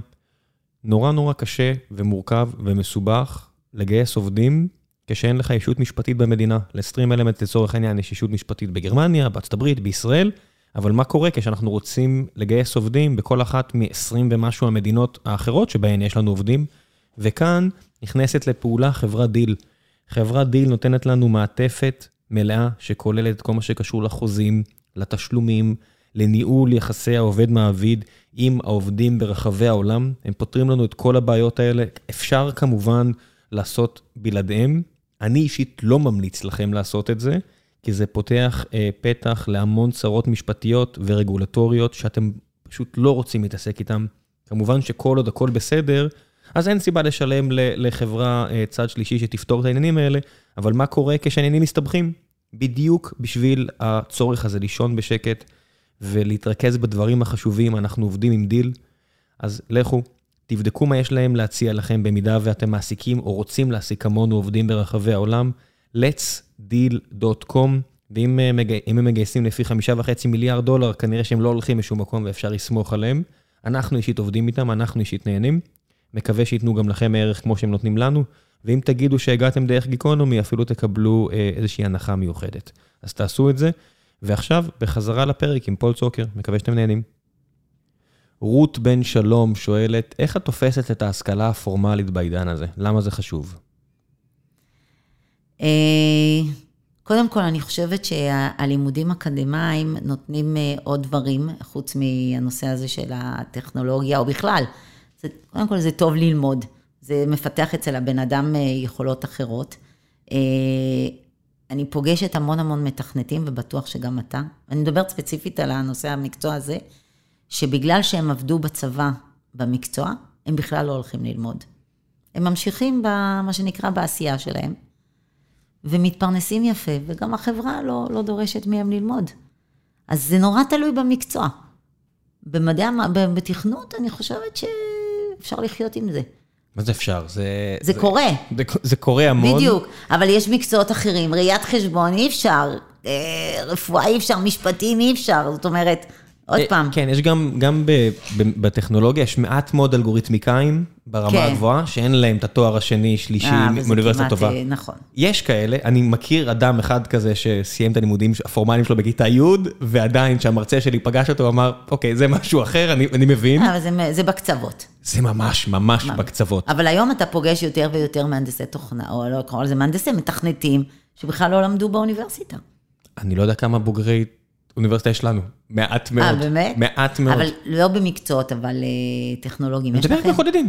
אין אה. לנו כמעט אה, מקודדים עם תואר. אני לא יודע, אני אישית כבר לא בודק את זה, ובעיקר בגלל שאני לא הפקתי מהתואר, אני יודע כמה מעט אני הפקתי מהתואר מלבד החברה. כן. וזה שהיה לי ארבע שנים, אולי, כן, כן, היה לי ארבע שנים מאוד נחמדות כן. וכיפיות, אבל לא, לא השקעתי מספיק, זאת אומרת, קיבלתי ציונים בסדר, מספיק טובים. אבל לא, לא הפקתי, ומאז כמות הידע... השאלה אם אה, זה, זה, זה רק בנישה הזאת של המתכנתים. אתה, אתה פוגש אה, עובדים שלא למדו כלום ו, והשתלבו וזה, זאת אומרת, זה קצת חריג. אני חושב שהשותפים שלי. אני לא, חושב, לא חושב שהשותפים לא, שלי... לא, לא, לא, אבל זה במקצועות הטכנולוגיים, עוד פעם, לא? לא, לא, לא, לא. שמעי, יש משהו, ואני, עם כמה שאני מדבר אה, סירה נגד אה, אוניברסיטאות והכל, שאתה פוגש איזה בוגר סטנפורד והכל, והיא מדברת איתך, ואתה רואה את הרמת טיעונים והרמה של החשיב, ה critical thinking והכל, שוב, זה לא מבטיח, אבל זה מגדיל מאוד את הסיכויים. זה כמו שאני מדבר עם מגייסת מגוגל, היא אומרת, למה לנו לא לשים את הרף? כי כבר עשו את כן. הסינון עבורנו, החברה נכון. כבר עשתה את הסינון עבורנו, וברור שהם צודקים. זאת אומרת, הסיכוי שתפגוש בוגר סטנפורד מצטיין, שהיא לא חריפה מאוד, הוא הרבה יותר נמוך. מה לעשות, יכול... אבל זה לא אומר שאתה לא יכול לפגוש מישהו שהוא לא למד. לא בוודאי שלא, כן. אבל זה פשוט אומר שיש לך יותר סיכוי ליפול, ובסוף זה מסנן. זאת אומרת, כל הדברים האלה זה אקטים מסננים. אני, אני, אני, אני באמת, אני יכול לפגוש מישהו ש... עזבי, ברור שאם הוא היה ב-4, 9, 8, 1, כל הדברים האלה, אני מבין שהוא גם מגיע עם סט יכולות טכניות, כן. והוא, והוא שרד את הדבר הזה וזה. אני אומר, ראיתי עכשיו מישהו, לא יודע מה, סיים מסלול בשייטת, היה לוחם בשייטת, אני יודע שיש לו את היכולת להתמיד, הוא נכון. אגרסיבי כנראה מאוד, כל הדברים האלה. זה לא מבטיח לי כלום, אבל זה עוד דבר. זה עוד דבר, בגלל זה אנחנו כן. שואלים על הניצחונות. מישהי שהרימה עסק מהצד, וטיפחה אותו, ברור, ועשתה את הכל, כן. הנה, זה, אני כבר, זה, אני כבר נכון, מקבל הרבה אינדיקציות. נכון. זה עוד אינדיקציות. אם בארבע שנים האלה, כל מה שעשית, מצטער, זה לעשן סמים ולטייל, הכל סבבה, אני בטוח שיהיה לי כיף לבוא איתך למשחקים של הפועל באר שבע, אבל לא בטוח שהרווחת פה, פה זכות כן. אצלי. אז זה רק עוד דרך להרוויח נקודות זכות. נכון. כי אם אתה לא אוהב את זה, אם זה לא מעניין אותך, אם אתה לא... זאת אומרת, הרבה שאלות שעשינו זה, אוקיי, איפה, איזה בלוגים אתה קורא? איזה, איפה, איזה ערוצי יוטיוב אתה עוקב כדי להישאר כן. חד על המקצוע שלך, לא משנה מהו. אז אם זה לא מעניין אותך, אז זה לא משנה שלמדת ארבע שנים לפני 20 שנה, לפני 15 שנה. זה לא משנה. ומצד שני, יש כאלה שהם אהבו את זה אז. היום מחפשים כן. אנשים ורסטיליים. כן. ולא רק אה, אנשים שהם...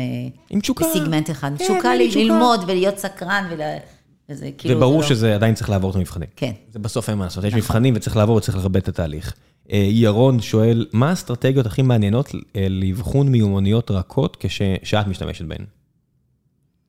שאני משתמשת בהם? כן. האינטואיציה שלי, שפיתחתי לאורך השנים, ושאלות אה, מאוד מסוימות.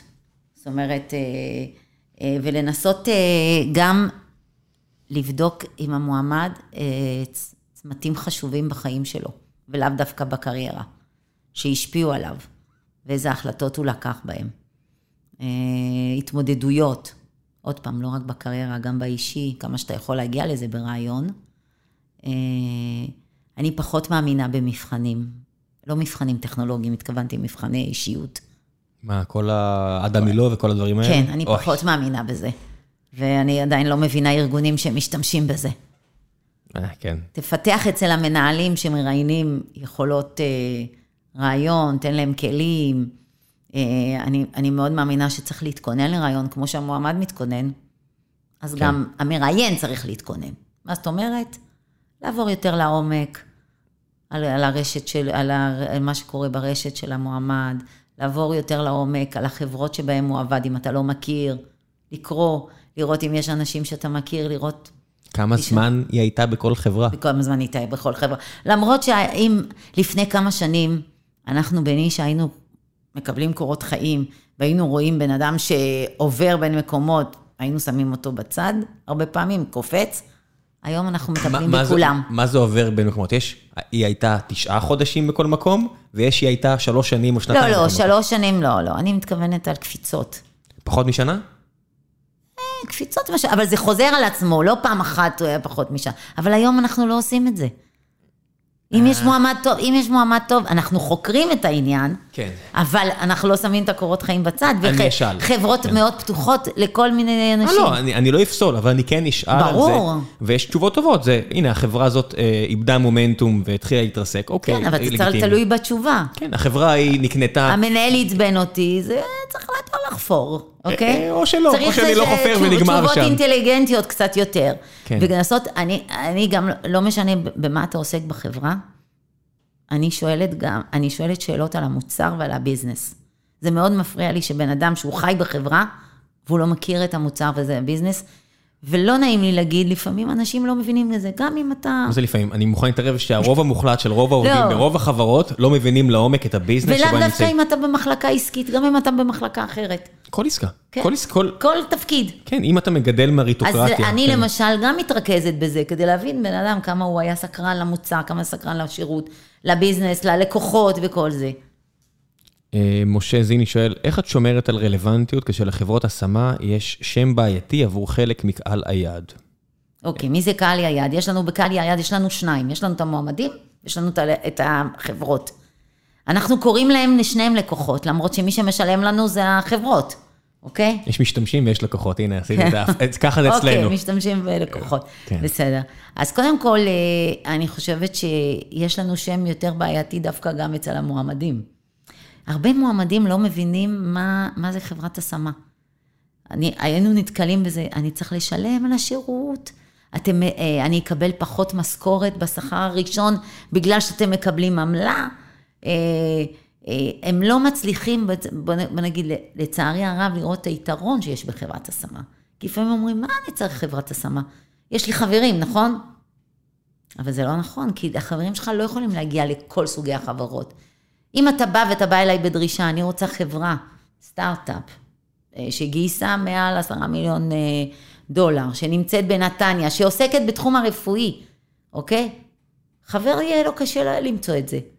אנחנו כחברת השמה, אנחנו עובדים עם אלפי חברות, ויש לנו את כל המגזרים ואת כל סוגי החברות. אז אני רואה בזה יתרון למועמד. וחוץ מזה, אה, אני יכולה להשפיע על החברה, לקבל אותך לרעיון. ואיך אני אה, שומרת על רלוונטיות מול החברה? החברה היא בסוף, אנחנו, אנחנו, התפקיד שלנו זה לחשוב גיוס כל היום מהבוקר ועד הערב, אוקיי? גם מגייסת בחברה, חלק מהזמן שלה זה נכון שהיא עוסקת רק בגיוס, אבל חלק מהזמן שלה היא, הולך, היא נמצאת מסביב לנושא הזה של לדחוף את הגיוס בתוך החברה ול, ולרתום את המנהלים.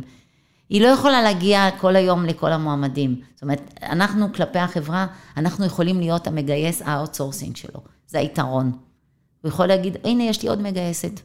פול מינישה, היא תגייס לי את האנשים. אבל בתנאי שהיא תשתף אותי, והיא תרתום אותי כאילו אני מגייסת של החברה. היא תספר לי כמו שצריך על החברה, היא תספר לי את הקשיים שיש בצוות הזה, היא תספר את הקשיים שיש בגיוס התפקיד הזה. אני, אם יודעים להשתמש נכון בחברת השמה, יש בזה המון יתרונות. ואיך אני שומרת על, על הרלוונטיות בזה שאני משתמשת בכלים חדשים. מה זאת אומרת? כמובן בלינקדין, ולא לשכוח שהמאגר של נישה הוא בן 26 שנה. ובנוסף לזה, דאגנו לאורך השנים לשמור על הרלוונטיות של המאגר. זאת אומרת, כל הזמן שדרגנו אותו. כל מידע שקיבלנו על המועמד, על החברה, זה היה בתוך המאגר. כי ראיינו לפעמים גם את המנהלים של החברה וגם את העובדים. ויש בזה יתרון, גם אם אתה מאתר בן אדם בלינקדין, אתה לא כל כך יודע את הדברים על העבר שלו. לעומת זאת, אנחנו יודעים, כי אם הוא פעם התראיין דרכנו, אנחנו יודעים איך הוא התנהג בתוך, עם החברות. כמה הוא חזר אליהם, כמה הוא ביטל חוזים. זה דברים קטנים שאנחנו יודעים שאין את זה בלינקדין. בוא נעשה עוד אה, שאלה שתיים. אה, עופר ברנע שואל, מה העמדה שלך לגבי שפע האנשים המוכשרים שחוזרים אחרי אה, פוסט-דוקטורט לישראל, דגש על מקצועות המדע, נכון. שאינם בעצם אנשי תוכנה, ורובם אז... אינם משתלבים במסלול האקדמי לקביעות. כן, אז אנחנו מדברים פה על מי שיוצא בעצם לפוסט במקצועות המדעי החיים, ששם בעיקר בבוסטון, יש להם אה, פלטפורמה מדהימה באקדמיה ותקציבים מטורפים, שלא קיימים בעצם כמעט באקדמיה פה בישראל. בשום מקום בעולם כמעט. כן, אה, והרבה פעמים אה, הם רוצים לחזור הנה, ול, ולצ... ובאמת אין הרבה אופציות באקדמיה, ובתעשייה בישראל זה בעיקר, כמו שעופר אמר, נושא של תוכנה, אבל אני דווקא רוצה להגיד בשורה טובה, שלדעתי בשנים האחרונות, יש הרבה יותר אה, חברות אה, ביו אה, מאשר בעבר, והאנשים האלה כן משתלבים. כמובן, יש את טבע, שטבע היא חברה ענקית, והיא כן משלבת את האנשים האלה. ויש הרבה יותר פתיחות לקבל את האנשים האלה, אבל עדיין זה לא מגיע בממדים שיש פוטנציאל למי שחוזר אחרי תואר שני במדעי המחשב או בהנדסת חשמל. אז, אז יש, מדעי המחשב והנדסת חשמל זה, זה הטריוויאלי, כן, אין לדבר על זה, הביקוש עצום, אה, אבל יש היום כלכלנים שעשו דוקטורט והם חריפים. בפינטק, כאילו, הנדסה כלכלית. לא, לא, לא אה, רק, להשתלב אוקיי. בתור אה, אנליסטים, אנליסטיות. או של דאטה. דאטה, כי כן. הם חזקים דאטה נכון. והם חיים דאטה, וזה עוד תחום שלא כיבדו אותו מספיק, ואני חושב שזה אה, טעות איומה ונוראית לא לכבד אה, דאטה, לא data engineering ולא data science, data analysis, ואני חושב שזה תחום שהרבה כלכלנים וכלכלניות... וסטטיסטיקאים ו... יכולים לגייס לזה. ורואות חשבון נכון. יגיעו. אמ, פיזיקאים ומתמטיקאים... לא, הם, הם משתלבים. זה כן, קוונטס כן. וכאלה, זה קל, יש פה מספיק חברות כן. שצריכות אלגוריתמיקאים מדהימים. יש גם הרבה חברות רב-תחומיות, כן. שקולטים אותם. כי בישראל יש כמה חברות רב-תחומיות משמעותיות. אני פשוט חושב שיהיה פה שינוי שגם אנשים שלמדו ספרות אנגלית, ויש להם אה, ראש טוב, ליאור אסולין, שכותב את הדף האחרון בהארץ, עשה איזה, איזה, איזה טקסט, והוא בן אדם סופר חריף. שמעתי אותו מדבר עם עופר שלח בפודקאסט של שלח, והוא אמר, יאללה, אני בשל לעבוד בהייטק. והוא לא צחק. ו- ואת שומעת בן אדם שאומר, אוקיי, אני, אני מת לעבוד עם בן אדם כזה, אני לא יודע איפה ואיך. אבל אין אה, כל כך אה, פתיחות. היה פעם איזשהו רעיון איך משלבים את הבוגרי מדעי החברה בעולם הטכנולוגי. אני חושבת שיש היום... אה, גם אפשרות, עוד פעם, במקצועות האלה, תומכי לחימה כאלה, כמו customer success, סתם אני זורקת, שאם יש לך אנגלית טובה, אז, אז אתה לא יכול לזה, אבל זה לא בא לידי ביטוי עם, ה, עם היכולות שלך בפילוסופיה או בספרות או בדברים כאלה. אז זה לא רק, תשמעי, אנחנו עכשיו אה, מוצאים ים בכסף, ים בכסף על מחקר, אה, על השוק שלנו. אוקיי, כי אנחנו צריכים להכיר יותר טוב את דברים שאנחנו לא מכירים, ושוק חדש, וידה ידה, לא משנה מה, וזה סכום עצום של כסף. וכל פעם שאני מוציא ופה אנשים עכשיו בעבודה שלכם להיעלם, אבל כל פעם שאני מוציא כסף ל outsource, שהחברה גדלה, אני אומר, למה לא עושים את זה בעצמנו? זאת אומרת, יש, יש פה איזושהי נקודה שהיא באמת לא הגיונית, שאני מנסה את זה פעם בשנה, אוקיי, בסדר. אם זה משהו שהוא רק על success base כמו... אה, השמה. השמה, בסדר. אבל כל פעם שזה משהו שאני אומר, אני רוצה חוקר אצלי. אני רוצה חוקרים אצלי, אני רואה שפייסבוק יש את החוקרים אצלהם, ו- ו- וזה מביא להם ערך ב long. אם אתה רוצה לבנות אימפריה ולא חברה שתימכר, אתה צריך לחשוב גם על איך לצבור ידע. כן. ואני רוצה אנשים שיודעים לקרוא מאמרים, ואני רוצה אנשים שיודעים לחשוב. knowledge management כזה. כן, מחקר. מחקר, מחקר. אז אם אתה רק מדבר. איתי על פוסט-דוקטורט של אנשים שיודעים לחקור ולחשוב, כן. להתמודד עם טקסטים, להתמודד עם בני אדם, אני רואה בזה אה, עתיד גדול. זה- וזה עכשיו קורה שיש פה יותר ויותר חברות שהנפיקו, מה יש פה. עשרות חברות שמתישהו ייפול להם האסימון, ואצל הרבה מהם שאני מדבר איתם האסימון כבר נפל, אנחנו בונים פה אימפריה, שאתה כן. בעסקי ה empire building ולא חפלאפ, ואתה לא בונה תפאורה, ונציה, אתה יודע, זה לא עיר אמיתית, אף אחד לא, באמת, אני לא חושב שמישהו באמת גר בוונציה, כי אני אומר, אין פה סופרמרקטים, מה זה הדבר הזה? אין פה באמת עיר. כשאתה בונה כן. עיר אמיתית, לא יודע מה, טרוויזו ליד ונציה, אז אתה צריך הכל. אתה צריך שיהיה לך הכל, וזה גם חוקרים. אז אני כן אופטימי לגבי העניין הזה, בעיקר בגלל שהפסקנו פה אה, לשאוף למכור חברות אחרי שנייה וחצי. יש פה חברות ש... ולבנות אה, חברות אה, גדולות, מה שנקרא. כן, ואז יש באמת מקום, כן. את יודעת, סוסייטי, נכון. שלפני עשרת אלפים שנה, כולם היו ציידים לקטים. התחלנו חקלאות, אוקיי, יש פתאום מקום לכהן, יש מקום פתאום, לא יודע מה, לחוקר, פתאום יש מקום לאמן, כי יש שפע, כי נוצר שפע. כן. וגם בתעשיית ההייטק הישראלית נוצר שפע, לא היה שפע. כשאין שפע, אין מקום לשומן. כולם צריכים... עוד פעם, אבל צריך פה פתיחות של המ- של המנהלים, של ההנהלה. כן. צריכים ללמוד מה- ממה שנקרא מהטובים יותר. מהגדולים שעשו את יותר. זה, מהגדולים יותר, אין מה לעשות, ה corporateים הם, אה, הם לא הבית סתם. ספר שלנו, הם לא סתם הגיעו למה שהם הגיעו. כן, IBM ואינטל ומייקרוסופט, כן. יש להם חלק עצום בתעשייה בארץ. נכון.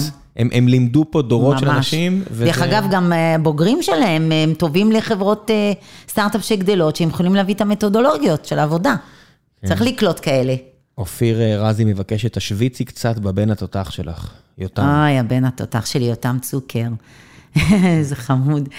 הוא בוגר אה, תעשייה וניהול, למד בבאר שבע, הקים ארגון אה, כבר כסטודנט שנקרא 2080 של הפקולטה תעשייה וניהול, מה שנקרא קשר בין סטודנטים לתעשייה.